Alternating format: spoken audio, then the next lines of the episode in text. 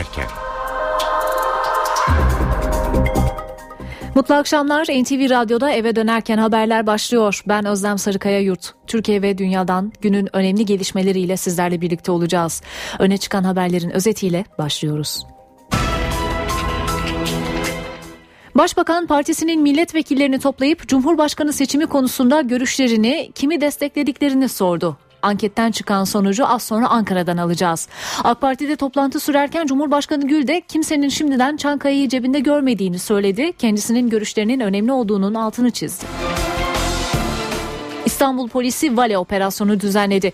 Bir manken ve eşinin darp edilmesiyle gündeme gelen Vale şiddetiyle mücadele için bu sabah 47 Vale gözaltına alındı. Emniyet yetkilileri araçların park edilmesinde haksız kazanç sağlayan ve terör estiren Valelerle ilgili operasyonların süreceğini açıkladı. Devlet dairelerinde fazla mesai dönemi bitiyor. Zorunlu hallerde mesaiye kalacak memura para yerine izin verilecek. Ve devlet dairelerinden önemli bir haber daha. Bundan böyle kamu kurum ve kuruluşlarına tüm personel sadece Devlet Personel Başkanlığı'nın internet sitesinden ilan edilecek. Ege Denizi'nde bir umuda yolculuk daha sulara gömüldü. Sahil güvenlik denizde kayıpları arıyor. Dünyanın gündeminde ise Güney Kore'de çoğu çocuk 477 yolcusuyla batan gemi var. Yolcuları arama çalışmaları sürüyor. Günün öne çıkan haberlerinden satır başlarını aktardık. Şimdi ayrıntılar.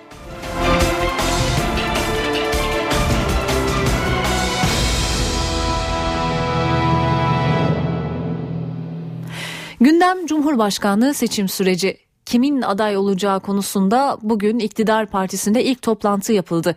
Başbakan Recep Tayyip Erdoğan partisinin milletvekilleri arasında anket yaptı. Parti genel merkezinde görüşme sürerken Cumhurbaşkanı gazetecilerin soruları üzerine köşk seçimi konusunda mesajını verdi. Başbakanla konuyu henüz görüşmediklerini belirten Gül kimse şimdiden bu benim cebimde dememektedir diye konuştu. Sayın Başbakan'la e, biz e, konuşacağız dedim. E, bunu yapmadık ama yakında konuşacağız tabii ki. Ama bu şahıslarımızla ikimizle ilgili bir konu. Şüphesiz ki başka adaylarda söz konusu olacaktır ve neticede Türk halkı karar verecektir. Hiç kimse şimdiden e, bu benim cebimde de dememektedir. Onun için e, bunun bilinmesini istiyorum. Nihayet de benim ne düşündüğüm de muhakkak önemli olacak derim. Cumhurbaşkanından gelen açıklama böyleydi. Şimdi AK Parti cephesindeki duruma bakacağız. Başbakan Erdoğan bugün partisinin milletvekillerini toplayıp hem Cumhurbaşkanı adaylarını hem de partideki 3 dönem kuralı hakkında ne düşündüklerini sordum. Peki toplantıdan ne çıktı? Milletvekillerinin Cumhurbaşkanı adayı kim? İşte yanıtlar. Adalet ve Kalkınma Partisi'nde Cumhurbaşkanlığı seçim süreciyle ilgili ilk toplantı yapıldı. Başbakan Recep Tayyip Erdoğan, bakan ve milletvekilleriyle kahvaltıda buluştu. Toplantıda AK Parti'nin köşk adayı için nabız yoklandı. Sayın Başbakanımız eğer Cumhurbaşkanı'na çıkmak isterse biz e, seve seve destekleriz. Toplantıda 3 dönem kuralı da ele alındı. Milletvekillerine o toplantıda bir anket de sunuldu. Cumhurbaşkanı adayı olarak görmek istedikleri 3 ismi AK Parti'nin nasıl bir yol haritası izlemesi gerektiği ve 3 dönem kuralına ilişkin görüşlerini yazmaları istendi. Toplantıda dinlemeye karşı önlem de alındı bakanlar ve milletvekilleri salona cep telefonlarını korumalarına teslim ederek girdi.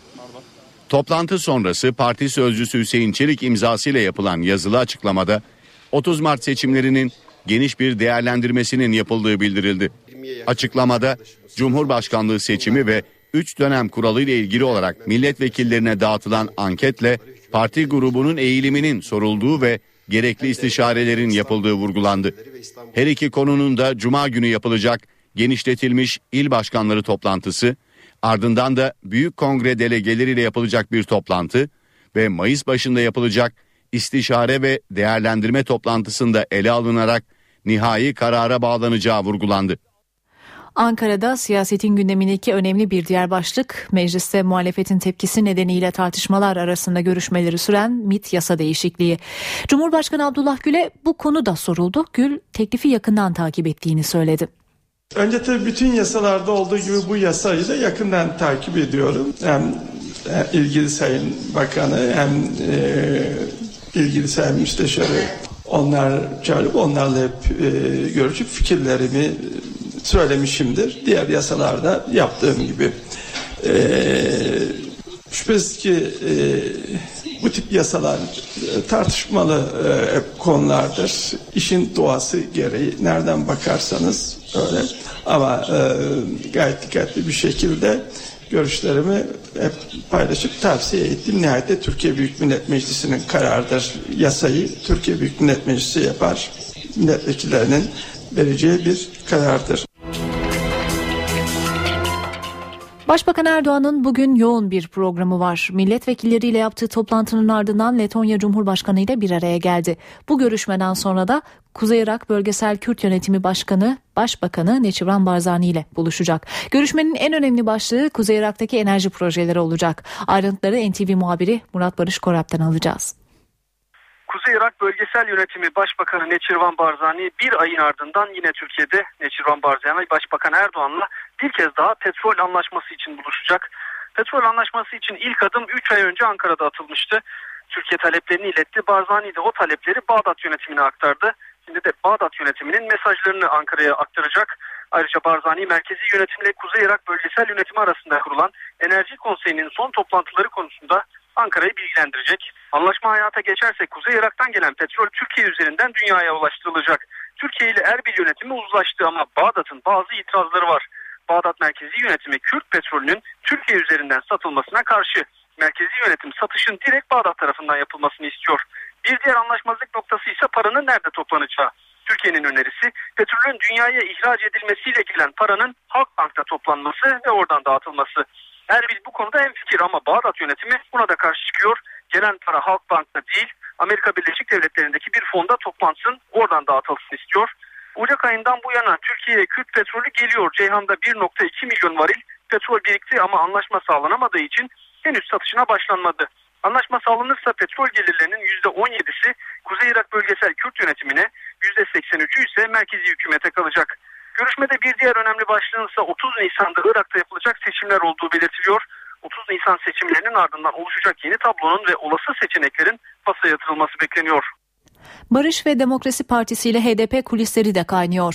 BDP Haziran ayında olağanüstü kongreye gitmeye hazırlanıyor ve partinin eş başkanı Selahattin Demirtaş'ın yeniden aday olup olmayacağı belirsiz. Kulislerde Demirtaş'ın sıkıntılı olduğu konuşuluyor. NTV Güneydoğu temsilcisi Nizamettin Kaplan'ın özel haberini dinliyoruz. İkincisi bulunmaz Hint kumaşı değiliz. Onu da yani mütevazilimden değil gerçekliği bildiğim için söylüyorum. Kongre toplanacak. Kongre bu kararı verecek. Göreve devam etmemiz konusunda gerçekten de bir hemfikirlik olursa bizim konumumuzda uygun olursa niye olmaz? BDP'nin eş genel başkanı Selahattin Demirtaş'ın seçim sonrasında yaptığı bu açıklama dikkatleri BDP'ye çevirdi. Demirtaş son iki grup toplantısına katılmadı. BDP eş genel başkanı Gülten Kışanağan, Diyarbakır Büyükşehir Belediye Başkanı seçilmesinden sonra da boşalan koltuğa kimin oturacağı tartışılmaya başlandı. Selahattin Demirtaş'ı istifa noktasına getiren bazı kadın milletvekilleriyle yaşadığı sorunlardı. Yaşananlar yerel seçim nedeniyle göz ardı edildi.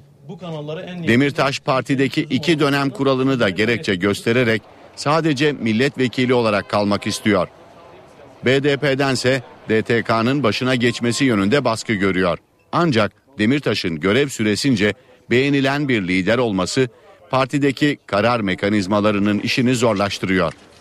Selahattin Demirtaş'ın parti içinde bazı kesimlerce devre dışı bırakılmak istendiği algısı da var. Şimdi merak edilen BDP'nin tüm bu yaşananlara karşı nasıl bir tavır alacağı. Kulislerden sızan bilgilere göre en geç Haziran ayında bir olağanüstü kongre hazırlığı var. Eş başkanlıklar için birçok isim gündemde. Selma Irmak, Pervin Buldan, İdris Baluken ve halen cezaevinde olan Hatip Dicle öne çıkan kişiler. BDP ve HDP heyetlerinin bu hafta sonu İmralı Adası'na yapacağı ziyaretin hem eş başkanlar hem de HDP ve BDP'nin kaderiyle ilgili kararda belirleyici olması bekleniyor.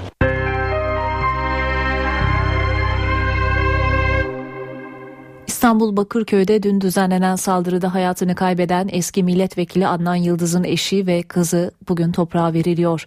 Firuze Yıldız ve kızı Betül Yıldız için ikindi namazının ardından Eyüp Sultan Camii'nde cenaze namazı kılındı. Anne kız Kazlı Çeşme mezarlığında toprağa verilecek. Bakırköy'de döviz bürosu sahibi eski milletvekili Adnan Yıldız'ın aracına düzenlenen silahlı saldırıda eşi Firuze Yıldız ve kızı Betül Yıldız hayatını kaybetmiş. Adnan Yıldız ve oğlu Kamil Yıldız yaralanmıştı. Olayda saldırganlardan biri de ölmüştü.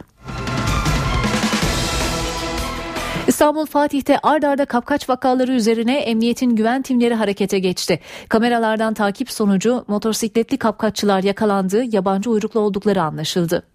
Büyük şehirlerde yaşayanların kabusu kapkaç yine gündemde. İstanbul Fatih'te son bir ay içinde ard arda meydana gelen olaylar polisi harekete geçirdi. Motosikletli kapkaççılar çok sayıda güvenlik kamerası tarafından görüntülendi.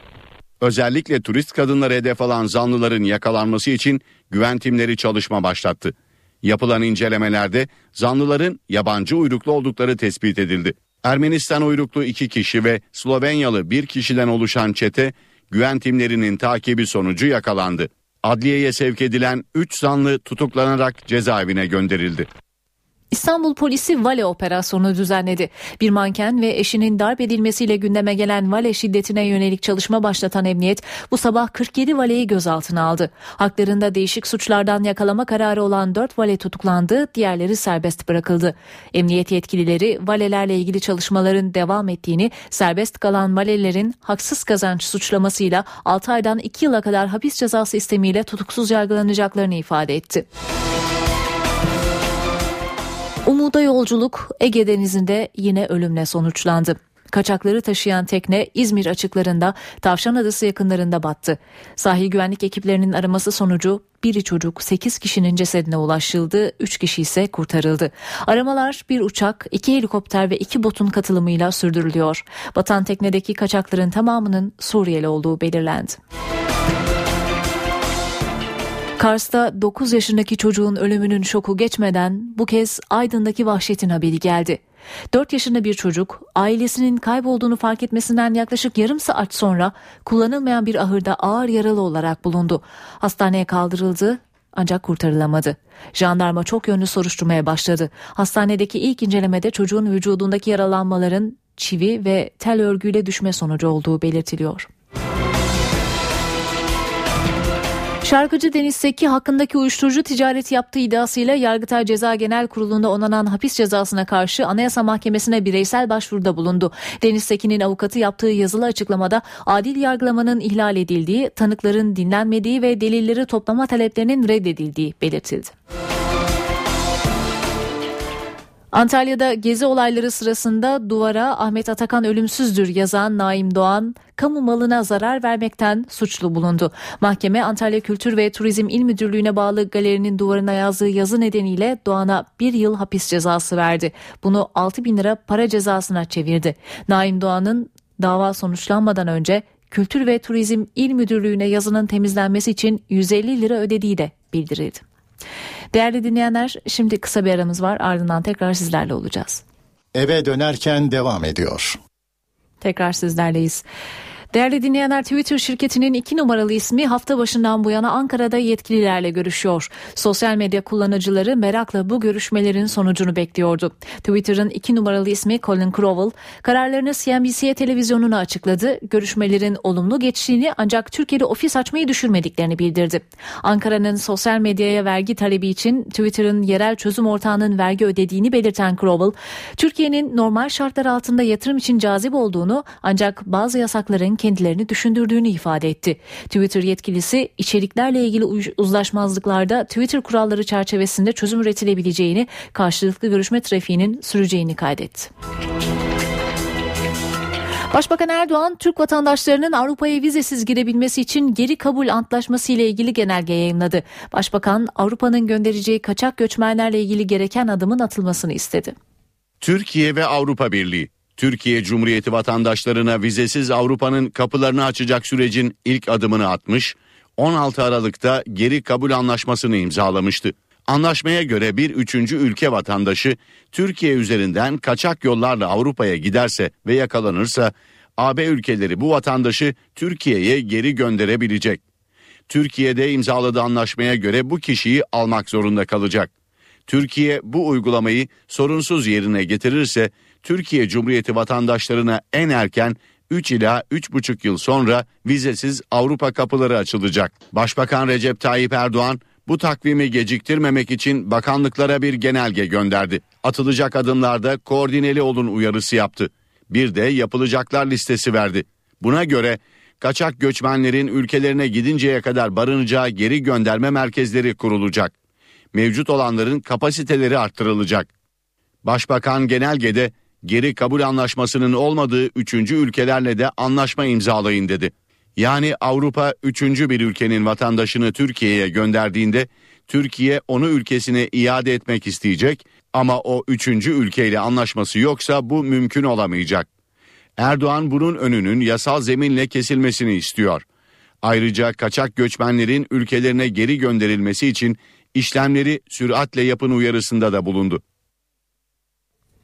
Devlet memurlarını ilgilendiren önemli bir haber fazla mesai dönemi bitiyor.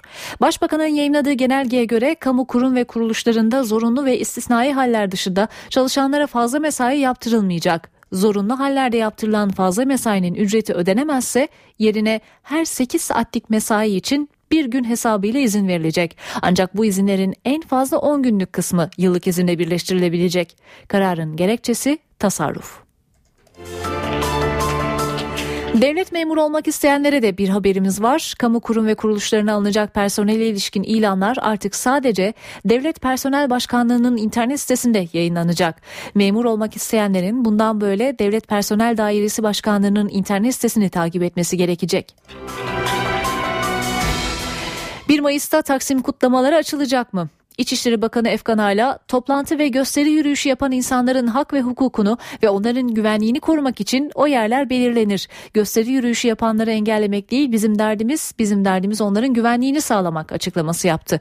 Sendikalar ve valilik arasındaki anlaşmazlığın çözümü için bir de ara buluculuk teklifi geldi. Baş denetçi Nihat Ömeroğlu teklifini basın toplantısıyla duyurdu. YÖK Başkanı Profesör Gökhan Çetinsaya üniversitelerin ihtiyaçlarını rakamlarla açıkladı. YÖK Başkanı toplam 55 bin öğretim elemanı, 25 bin öğretim üyesi, 300 bin araştırmacı gerektiğini söyledi. Çetinsaya yılda 4500 öğrenci doktora yapıyor. Bu rakamı önce 10 bine sonra 15 bine çıkarmamız lazım dedi. Para ve sermaye piyasalarındaki işlemlerle devam edeceğiz. Borsa İstanbul şu sıralarda 72.439 seviyesinde serbest piyasada dolar 2.13 euro 2.95'ten işlem görüyor. Kapalı çarşıda ise Cumhuriyet altını 603 çeyrek altın 146 liradan satılıyor. Kentsel dönüşüm çalışmalarının başladığı günden bu yana Türkiye genelinde 69 bin binanın risk taşıdığı tespit edildi. Çevre ve Şehircilik Bakanlığı'nın verilerine göre bu binalardaki toplam 377 bin dairenin üçte ikisi boşaltıldı. Bakanlık tahliye edilen dairelerde yaşayanlara bugüne kadar 64 milyon lira kira desteği sağladı. Dönüşüm uygulaması yapılan toplam alanın büyüklüğünün ise 6 milyon hektar olduğu bildirildi. Muğla'da altyapı çalışmasından tarih çıktı. Milas ilçesinde özel bir firma tarafından yürütülen çalışma sırasında işçiler bir mermer kalıntısı gördü ve müze müdürlüğüne haber verdi. İnceleme sonucu Osmanlı dönemine ait 3 bölümden oluşan bir köprü olduğu belirlendi. Üzerinde binalar bulunan yer altındaki köprünün koruma altına alınarak turizme kazandırılması hedefleniyor. Müzik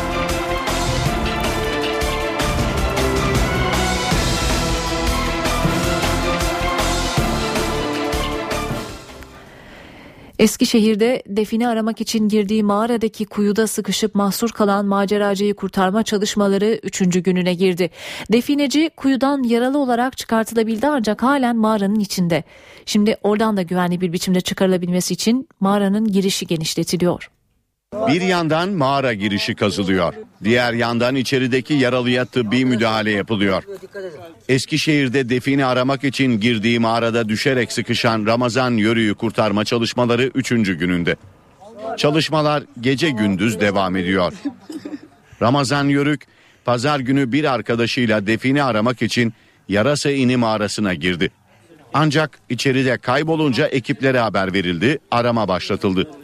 Mağarada inceleme yapan ekipler yörüğün 10 metre derinlikte bir delhize düştüğünü belirledi. Delhize ulaşan bir ekip üyesi yaralıya müdahale etti. Mağara dardı. Çalışmalar güçlükle yürütüldü. Yörük yaklaşık 45 saat sonra düştüğü dehlizden çıkarılarak mağara içinde güvenli bir yere alındı. Daha sonra yörüğün mağaradan çıkarılabilmesi için yeni bir çalışma başlatıldı. Dar alanların genişletilmesi için fünye kullanılıyor. Ekipler de mağarada kırma ve çatlatma çalışması yapıyor. Mağara oldukça dar bir alan. Yaralının şu anki mevcut durumuyla taşınması çok mümkün değil. Ee, genişletme çalışması yapılıyor. Ramazan Yörük mağara girişi genişletildikten sonra sedye ile çıkarılacak. Güney Kore'de çoğu çocuk 477 yolcusu olan feribot battı. Yapılan aramalarda yaklaşık 100 yolcu kurtarıldı ancak 300 kişi hala kayıp. 34 gemi ve 18 helikopter bölgede aramalarını sürdürüyor. Bir başbakan hediye gelen bir şişe şarap yüzünden koltuğundan oldu. Avustralya'nın Güney Galler Eyaleti Başbakanı kendisine hediye edilen 2800 dolarlık şarabı beyan etmeyi unuttu. Olay ortaya çıkınca üzüntüsünü bildirip istifa etti. Avustralya'nın yeni Güney Galler eyaletinin başbakanını bir şişe şarap koltuğundan etti. Barry O'Farrell'ın kendisine hediye edilen şarabı beyan etmemesi ülke siyasetini karıştırdı. Bir iş adamının 2011'deki seçim sonrası O'Farrell'a armağan ettiği 2800 dolar değerindeki şarap için soruşturma başlatıldı. O'Farrell önce iddiaları reddetti.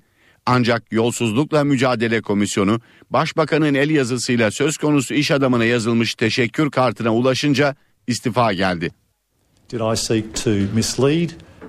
Kimseyi bilerek yanıltmak istemedim. Hediyeyi aldığımı unutmuşum. Fakat olayın sorumluluğunu kabul ediyorum. Görevimden istifa ediyorum. Avustralya Başbakanı Tony Abbott istifayı kabul etti. Açıkça görülüyor ki Barry O'Farrell istemsiz bir şekilde komisyonu yanılttı. Sonrasında ise onurlu davranarak görevinden istifa etti. Güney Galler eyaletinin yeni başbakanı önümüzdeki hafta seçilecek. Öne çıkan haberleri aktardık. Saat başına tekrar sizlerleyiz. Saat 18 NTV Radyo'da eve dönerken haberler devam ediyor. Günün öne çıkan haberlerinden satır başlarını hatırlatacağız. Başbakan Partisi'nin milletvekillerine Cumhurbaşkanlığı seçiminde adaylarını sordu. Anketten çıkan sonucu az sonra ayrıntılı olarak aktaracağız. AK Parti'de toplantı sürerken Cumhurbaşkanı Gül de kimsenin şimdiden Çankaya'yı cebinde görmediğini söyledi. İçişleri Bakanı Efkan Ala sendikaların 1 Mayıs'ı Taksim'de kutlama talebi için gösteri yürüyüş yapanları engellemek istemiyoruz. Bizim derdimiz onların güvenliğini sağlamak dedi.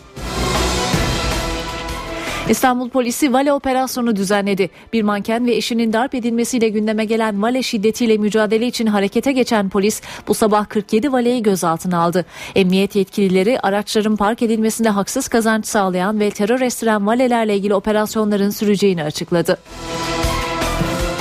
Ege Denizi'nde bir umuda yolculuk teknesi daha içindeki kaçak göçmenlerle sulara gömüldü. Sahil güvenlik denizde kayıpları arıyor. Dünyanın gündeminde ise Güney Kore'de çoğu çocuk 477 yolcusuyla batan gemi var. Yolcuları arama çalışmaları sürüyor. Eskişehir'de define aramak için girdiği mağarada mahsur kalan maceracı 3 gün süren çalışma sonunda sıkıştığı kuyudan çıkarıldı ancak mağaradan çıkarılabilmesi için şimdi mağaranın girişi genişletiliyor. Öne çıkan haberlerden satır başlarını aktardık. Şimdi ayrıntılar.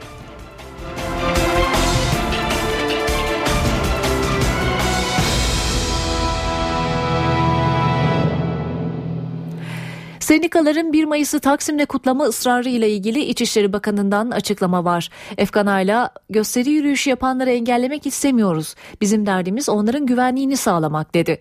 İstanbul Valisi sendikalara 1 Mayıs kutlaması için başka bir alan önermiş. Diskin öncülüğündeki sendikalar Taksim'de ısrarlı olduklarını duyurmuştu. Kamu Baş Denetçisi Nihat Ömeroğlu'ndan da 1 Mayıs açıklaması var. Ömeroğlu 1 Mayıs için valilikle sendikalar arasındaki Taksim geriliminde devreye girmeye hazır olduklarını söyledi.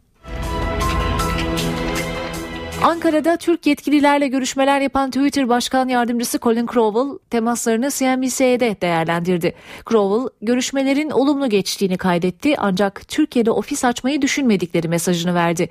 Ulaştırma, Denizcilik ve Haberleşme Bakanı Lütfi Elvan da şu sıralarda Başbakanlık resmi konutunda Twitter yöneticileriyle yapılan toplantıya ilişkin Başbakan Erdoğan'a bilgi vermekte.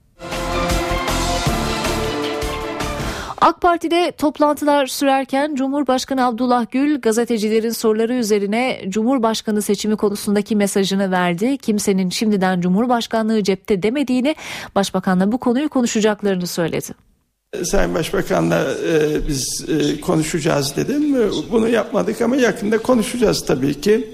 Ama bu şahıslarımızla ikimizle ilgili bir konu. Şüphesiz ki başka adaylarda söz konusu olacaktır ve neticede Türk halkı karar verecektir. Hiç kimse şimdiden e, bu benim cebimde de dememektedir. Onun için e, bunun bilinmesini istiyorum. Nihayette benim ne düşündüğüm de muhakkak önemli olacak dedim.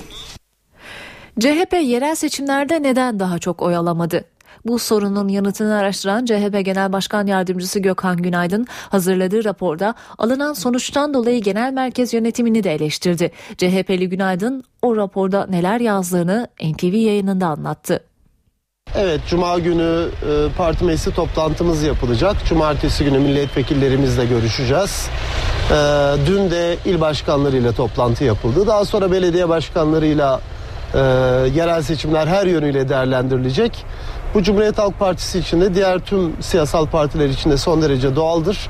E, hesaplaşma sözcüğü tam karşılamıyor bunu ama e, eksiği gediği görmek ve ne varsa tamamlamak için yapılan bir e, toplu çalışma olarak değerlendirmekte yarar var. E, sayısal da şunu görüyoruz. E, İl Genel Meclisi Belediye Meclisi bazında CHP 26 civarında oy aldı. Belediye başkanları bazında da Cumhuriyet Halk Partisi %29.6 civarında oy aldı bu başarıdır da diyenler olabilir. Bu başarısızlıktır diyenler olabilir ama esas sorun şu.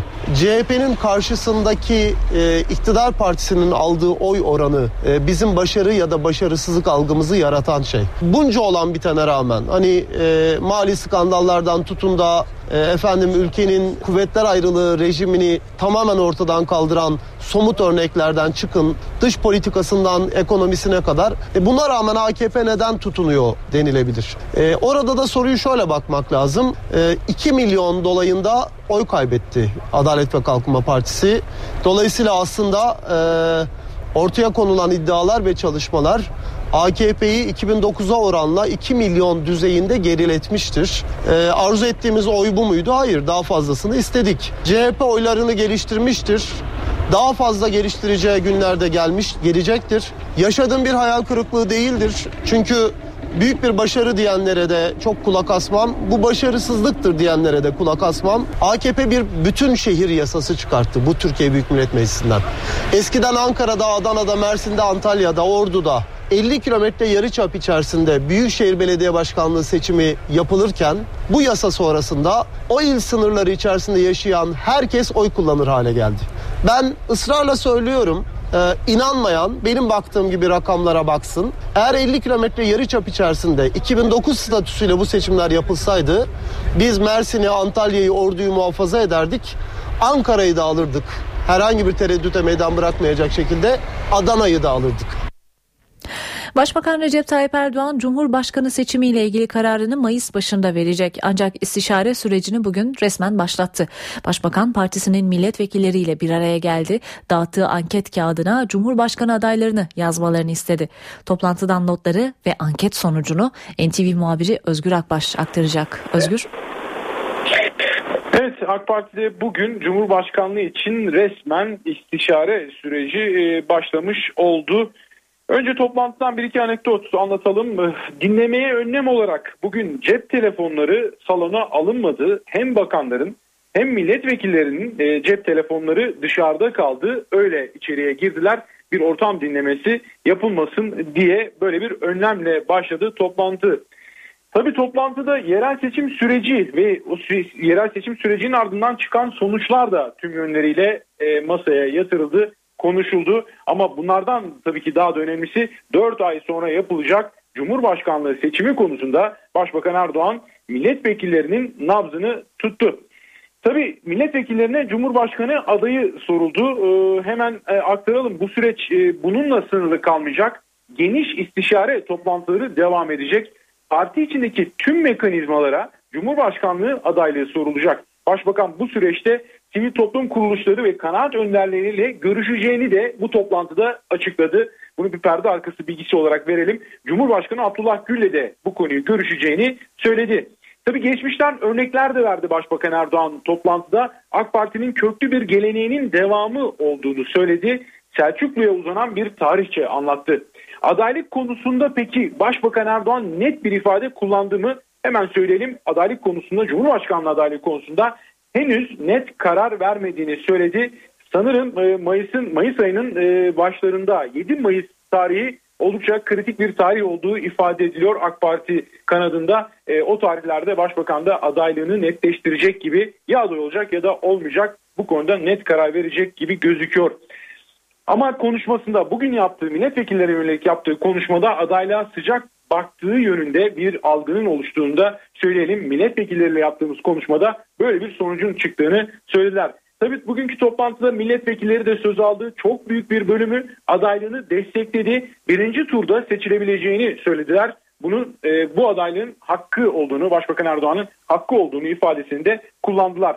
Bir iki isim çok fazla değil ama bir iki isim AK Parti'nin e, Başbakan Erdoğan'ın Cumhurbaşkanı olması e, olması durumunda olumsuz etkile, etkilenebileceğini de söyledi ve bu konuda anavatan örneğini verdi. E, Turgut Özal döneminin e, örnekleri bugünkü toplantıda bir iki milletvekili dile getirdi.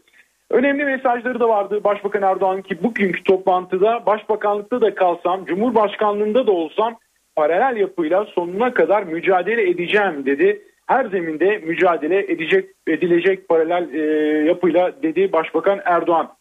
Son not olarak şunu da söyleyelim. Cuma günü belediye başkanlarının da katılacağı il başkanları toplantısı yapılacak. Orada da e, anket uygulaması bugün milletvekillerine e, yöneltilen anket uygulaması orada da yapılacak. E, o anket önemli hem Cumhurbaşkanlığı konusunda 3 e, isim isteniyor milletvekillerinden bugün 3 isim istendi. Bu hem il başkanlarından hem belediye başkanlarından da istenecek ve AK Parti'de 3 dönem kuralı devam etsin mi yoksa e, kalksın mı bu konuda ankette soruldu milletvekillerine. Bu konuda Cuma günü hem il başkanlarına hem de belediye başkanlarına sorulacağını söyleyelim. Özgür Akbaş aktardı. Değerli dinleyenler Umuda yolculuk teknesi Ege Denizi'nde sulara gömüldü. Gümüldür beldesi açıklarında kaçakları taşıyan tekne az önce bulundu. NTV Ege bölge temsilcisi Merih Ak aramaların sürdüğü noktadan son durumu aktarıyor. Evet Gümüldür e, balıkçı barınağı şu anda hareketli Marial e, isimli bu tekne bugün sabah saat 16 kişiyi bir umuda yolculuğa çıkardı Ege Denizi'nde. 16 kişi bu tekneyle ki yaklaşık 4.90'lık bir tekne 5 kişilik 5 ya da 6 kişilik gezi teknesi olduğunu da görebiliyoruz çok rahatlıkla.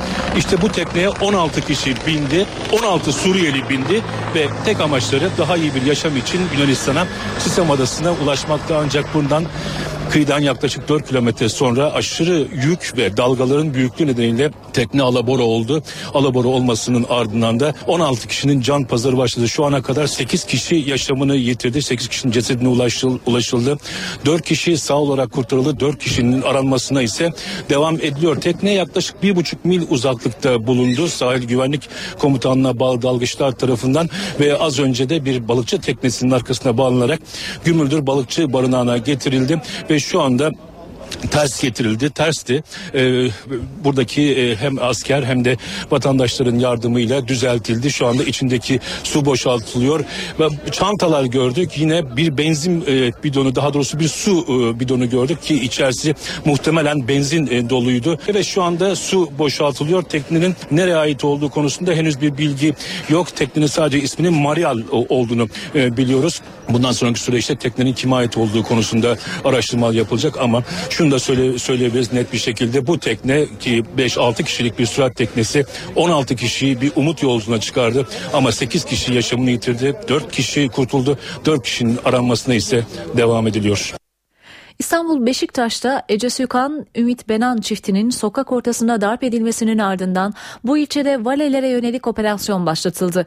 Polis ekipleri bu sabah 47 valeyi gözaltına aldı. Haklarında değişik suçlardan yakalama kararı olan 4 vale tutuklandı, diğerleri tutuksuz yargılanmak üzere serbest bırakıldı.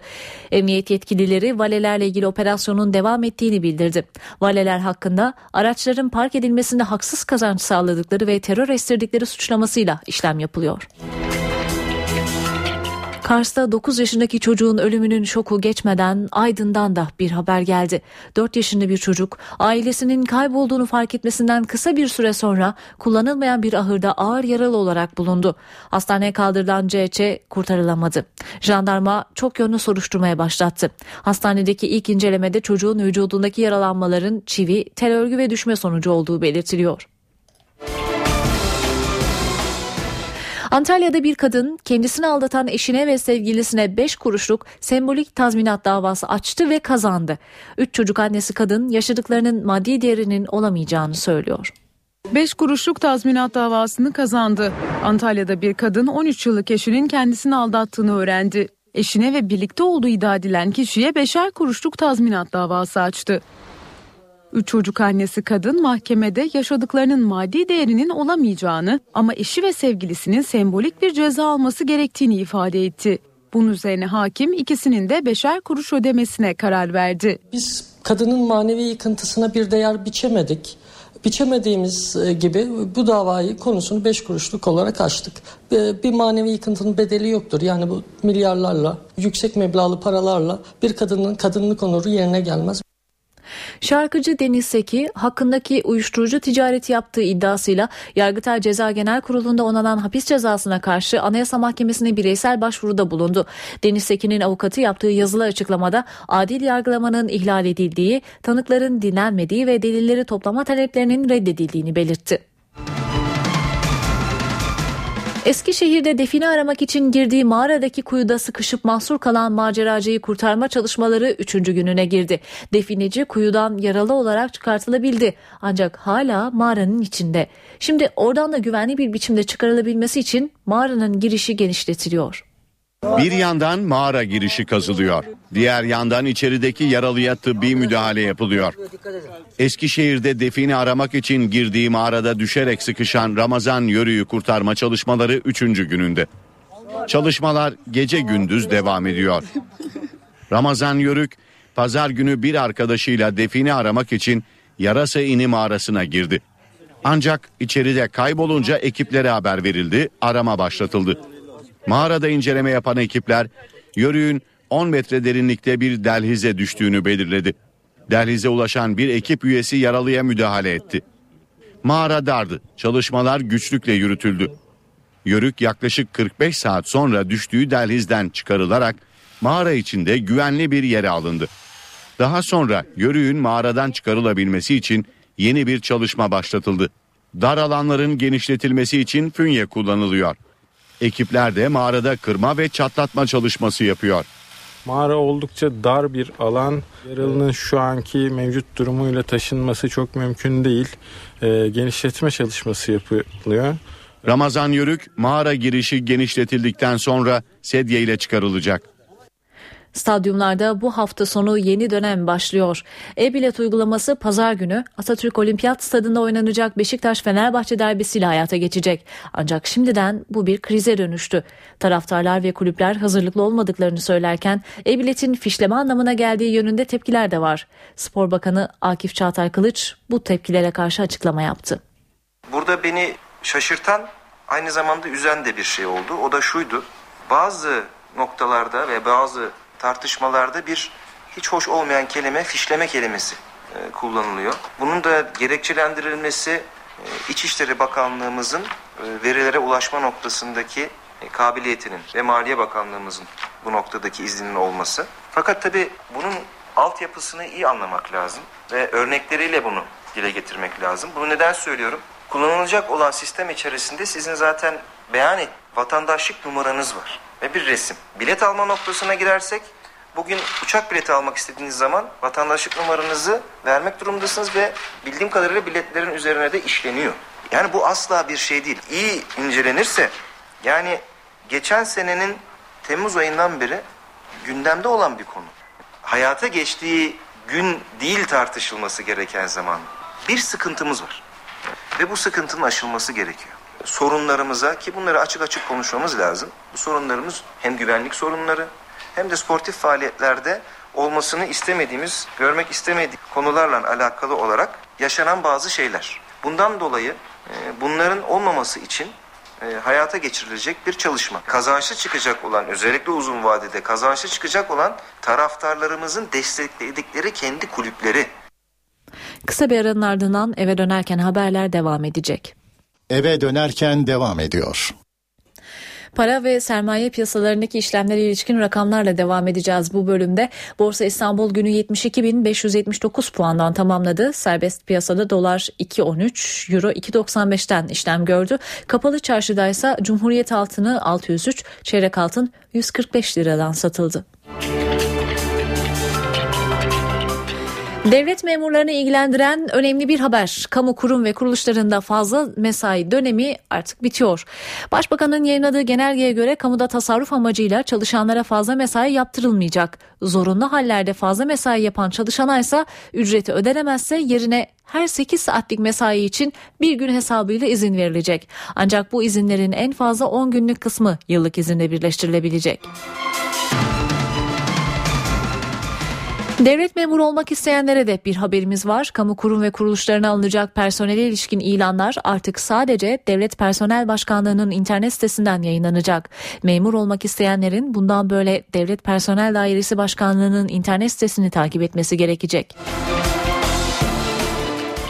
İstanbul'da Anadolu yakasının ilk teleferik hattı Beykoz'da kuruluyor. Tarihi Beykoz Çayırı ile Yuşa Tepesi arasında kurulacak proje için gelecek ay ihaleye çıkılması bekleniyor. Hattın 190 metre yükseklikte ve 2,5 kilometre uzunluğunda olacağı belirtiliyor.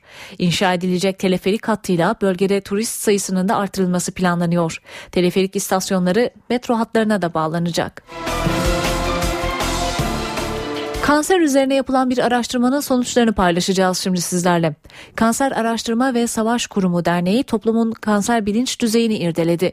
Araştırmaya katılanlara göre kanser çağın en önemli hastalığı ve en büyük nedeni sigara.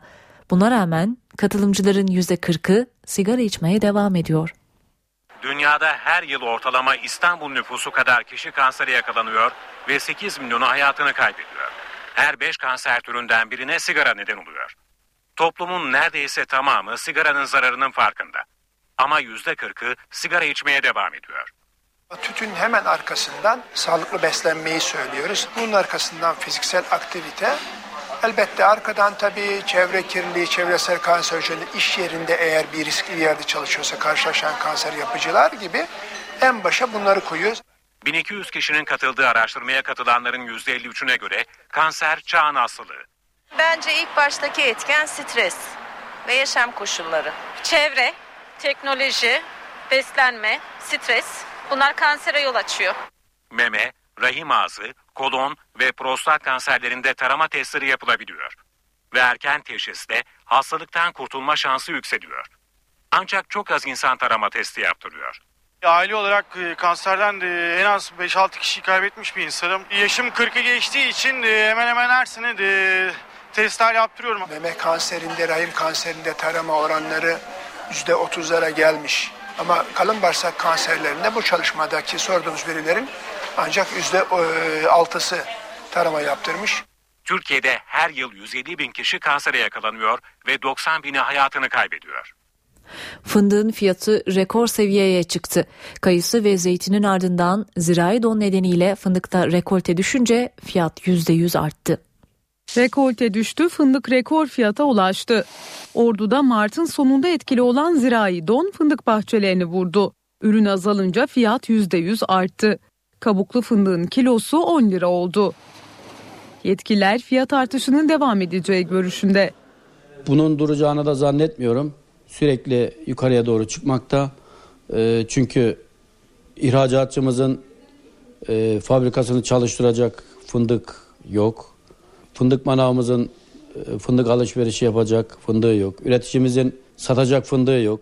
Fındığın tüm zamanların en pahalı döneminde olduğu belirtiliyor. Saat 18.27 öne çıkan haberlerin satır başlarını hatırlatacağız. Başbakan partisinin milletvekillerine Cumhurbaşkanı adaylarını sordu. Anketten Başbakan çıktı. AK Parti'de toplantı sürerken Cumhurbaşkanı Gül açıklama yaptı. Kimsenin şimdiden Çankaya'yı cebinde görmediğini söyledi.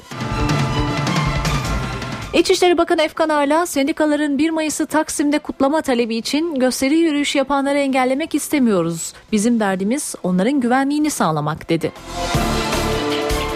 İstanbul polisi araçların park edilmesinde haksız kazanç sağlayan ve terör estiren valilere yönelik operasyon başlattı. Beşiktaş'ta manken Ece Sükan'a yönelik saldırının ardından Beşiktaş'ta ilk etapta 47 vale gözaltına alındı. Operasyonun genişletileceği açıklandı. Ege Denizi'nde bir umuda yolculuk teknesi daha içindeki kaçak göçmenlerle sulara gömüldü. Tekne az önce bulundu. Sahil güvenlik şimdi denizde kayıpları arıyor. Dünyanın gündeminde ise Güney Kore'de çoğu çocuk 477 yolcusuyla batan gemi var. Yolcuları arama çalışmaları sürüyor. Eskişehir'de define aramak için girdiği mağarada mahsur kalan maceracı 3 gün süren çalışma sonunda sıkıştığı kuyudan çıkarıldı. Ancak mağaradan çıkarılabilmesi için şimdi mağaranın girişi genişletiliyor. Öne çıkan haberlerden satır başlarını aktardık. Şimdi ayrıntılar.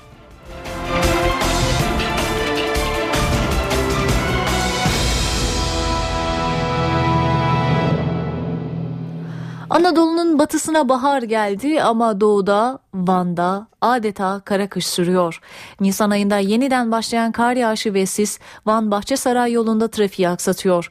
Yol aralıklarla ulaşıma kapandı.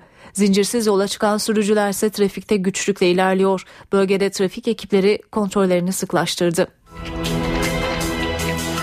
Şimdi yurt geneli için hava tahminlerini alacağız. NTV Meteoroloji Editörü Gökhan Aburu dinliyoruz. İyi akşamlar. Yarın da hava sıcak. Cuma günü Trakya'dan başlayarak hava serinliyor ama uzun süreli değil. Pazar günü sıcaklıkların yeniden yükselmesini bekliyoruz. Yarın kıyı Ege ve Trakya'da daha kuvvetli olmak üzere Marmara, Batı Karadeniz ve Batı Akdeniz'de etkisi altına alacak. Doğudaki yağışlar ise giderek hafifleyecek. Cuma günü doğudaki yağışlar hafif olarak devam ederken Ege ve Batı Akdeniz'de daha kuvvetli olmak üzere Marmara'nın tamamı ve Batı Karadeniz'de de yağışlar görülecek. Cumartesi günü Doğu ve Güneydoğu'daki yağışlar etkisini kaybederken Ege, Marmara ve Karadeniz'de aralıklarla devam edecek. İstanbul'da yarın hava bulutlu. Hafif yağış görülebilir. Sıcaklık ise 20 derece olacak. Ankara'da yarın hava parçalı bulutlu. Gündüz sıcaklık 22, gece ise 10 derece olacak. İzmir'de ise yarın akşama doğru kuvvetli sağanaklar bekliyoruz. Sıcaklık ise yüksek 21 derece olacak. Hepinize iyi akşamlar diliyorum. Hoşçakalın. Şimdi kısa bir aramız var. Ardından eve dönerken haberler devam edecek. Eve dönerken devam ediyor. Eve dönerken haberler dünya gündemiyle devam ediyor. Ukrayna'nın doğusu diken üstünde. Kiev yönetiminin işgali sürdüren Moskova yanlılarına yönelik operasyonu gerginliği tırmandırdı. Bölge Ukrayna ordusuna ait zırhlı araçlara el koyan Rusya yanlısı silahlı grupların gövde gösterisine sahne oldu. Altı zırhlı araçtan oluşan konvoy Donetsk yakınlarındaki Slayvansk kasabasına girdi. Rusya yanlıları konvoyu sevinç gösterileriyle karşıladı. Zırhlı konvoy Ukrayna ordusunda alarma geçirdi. Ukrayna jetleri kuvvetleri kent meydanında alçak uçuş gerçekleştirdi. Kosova Kiev hattında da gerginlik hat safhada. Rusya Devlet Başkanı Vladimir Putin Ukrayna'nın iç savaşın eşiğine geldiğini söyledi. Ukrayna Başbakanı Arseniy Yatsenuk ise Kremlin'i yeni bir Berlin duvarı inşa etmeye çalışmakla suçladı. NATO ise Doğu Avrupa'daki askeri varlığını arttırma kararı aldı. NATO Genel Sekreteri Anders Fogh Rasmussen havada daha fazla uçağımız, denizde daha fazla gemimiz, karada da daha fazla hazırlığımız olacak dedi.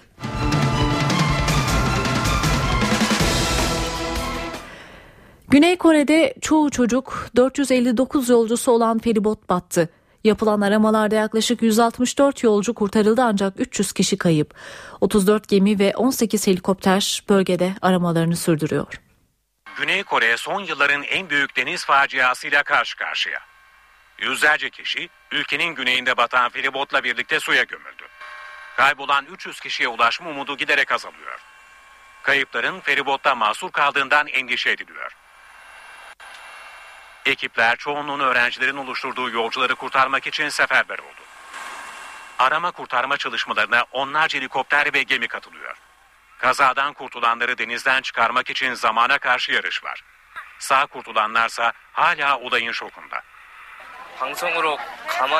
Feribotu terk etmeyin anonsu yapıldı. Fakat gemi batıyordu. Birçok öğrenci gemiden çıkamadı. Kurtarılanlar yakındaki Jindo odasına götürüldü. Öğrencilere ilk müdahale burada yapılıyor. Kayıp yakınları ise ekiplerden gidecek haberi bekliyor. Incheon limanından Jeju adasına gitmekte olan ve çoğu öğrenci 459 kişinin bulunduğu feribot hareket ettikten 3 saat sonra batmıştı. Feribotun neden battığı ise bilinmiyor. Mısır'ın çeşitli kentlerinde düzenlenen darbe karşıtı gösterilerde eski Savunma Bakanı Sisi'nin Cumhurbaşkanlığı adaylığı ve askeri darbe protesto edildi. Başkent Kahire'deki Eser Üniversitesi'nde toplanan öğrenciler sloganlar eşliğinde taşıdıkları pankartlarla yargı, polis ve üniversite yönetimini kınadı.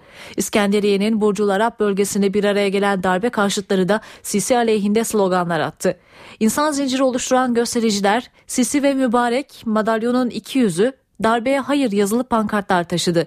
Minya kentinde ise duruşması bugün yapılan darbeyle görevden uzaklaştırılan seçilmiş Cumhurbaşkanı Muhammed Mursi'nin yargılandığı casusluk davası protesto edilirken Dimyat kentinde toplanan halk Rabia işaretleri yaparak Sisi'nin adaylığını protesto etti.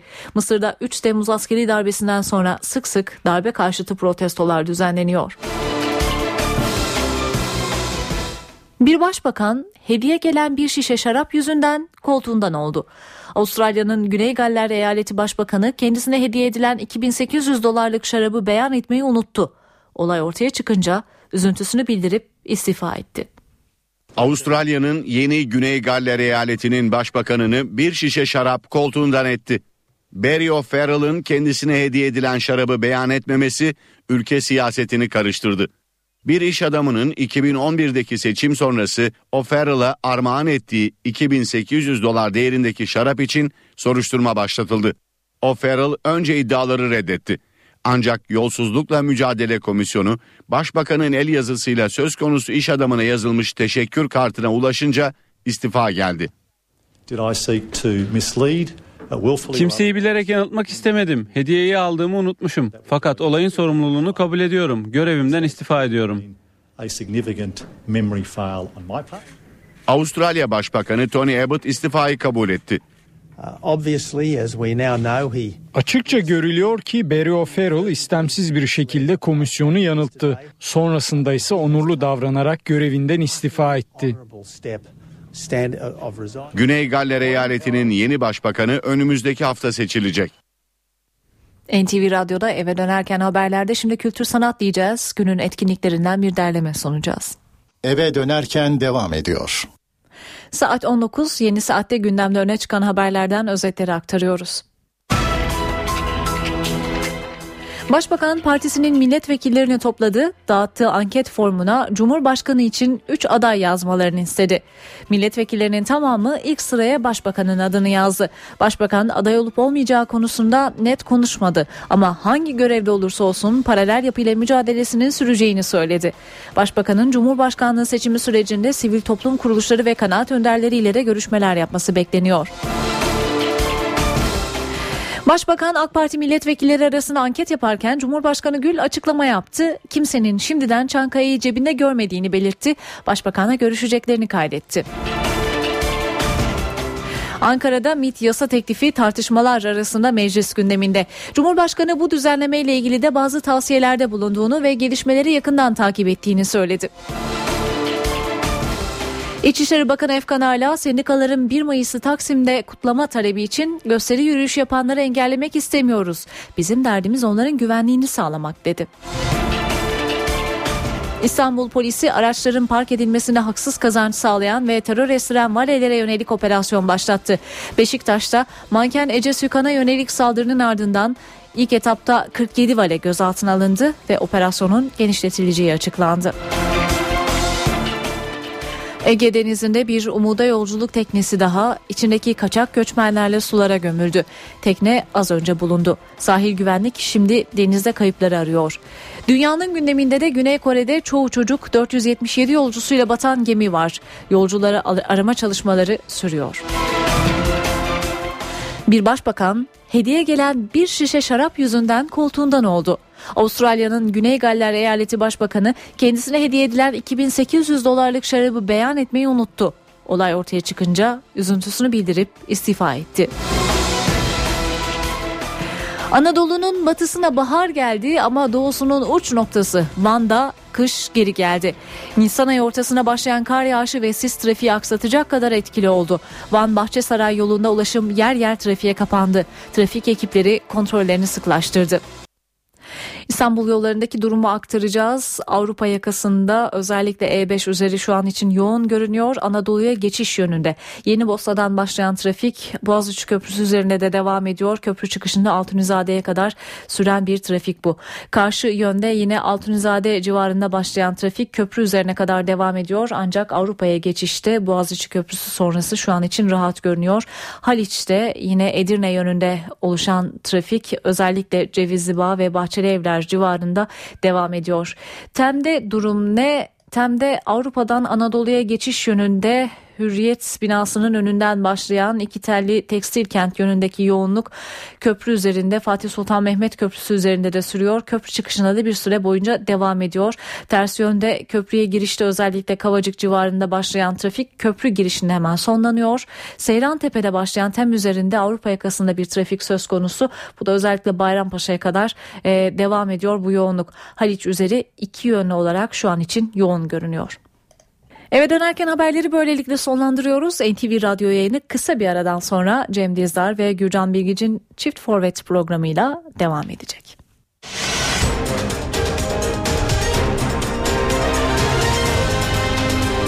NTV Radyo, Türkiye'nin haber radyosu.